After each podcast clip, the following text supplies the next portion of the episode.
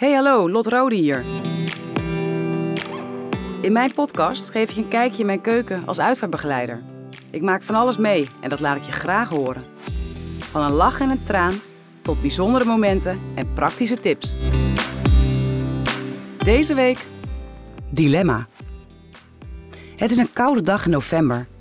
Buiten dwarrelt de sneeuw naar beneden. In de kamer is het aangenaam warm. De haard brandt en op de achtergrond klinkt de muziek van Einaudi. Met een grote kop thee nestelt ze zich op de bank. Ze kijkt om zich heen. Heel even sluit ze haar ogen om te genieten van dit moment. Even afgezonderd van alle zorgen.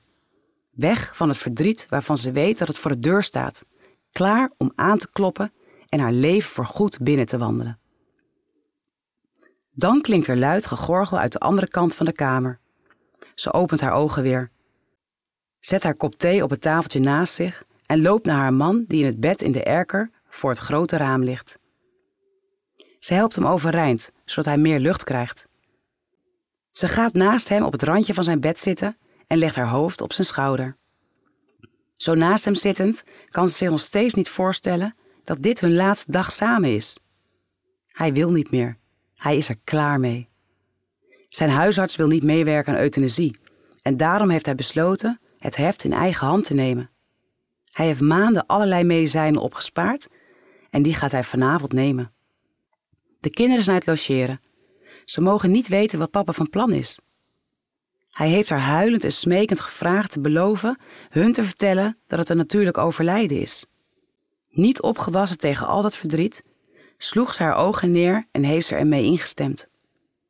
En daar zit ze dan, verscheurd door haar gevoel. Voor eeuwig tegen haar kinderen liegen of voor de waarheid gaan en voorbijgaan aan de wens van haar man. Ze loopt terug naar de bank, pakt haar kop thee, nestelt zich in de kussens, sluit haar ogen en daarmee de werkelijkheid buiten. Nog even geen beslissing. Ben je benieuwd naar meer verhalen? Abonneer je dan op De Rode Loper naar het einde.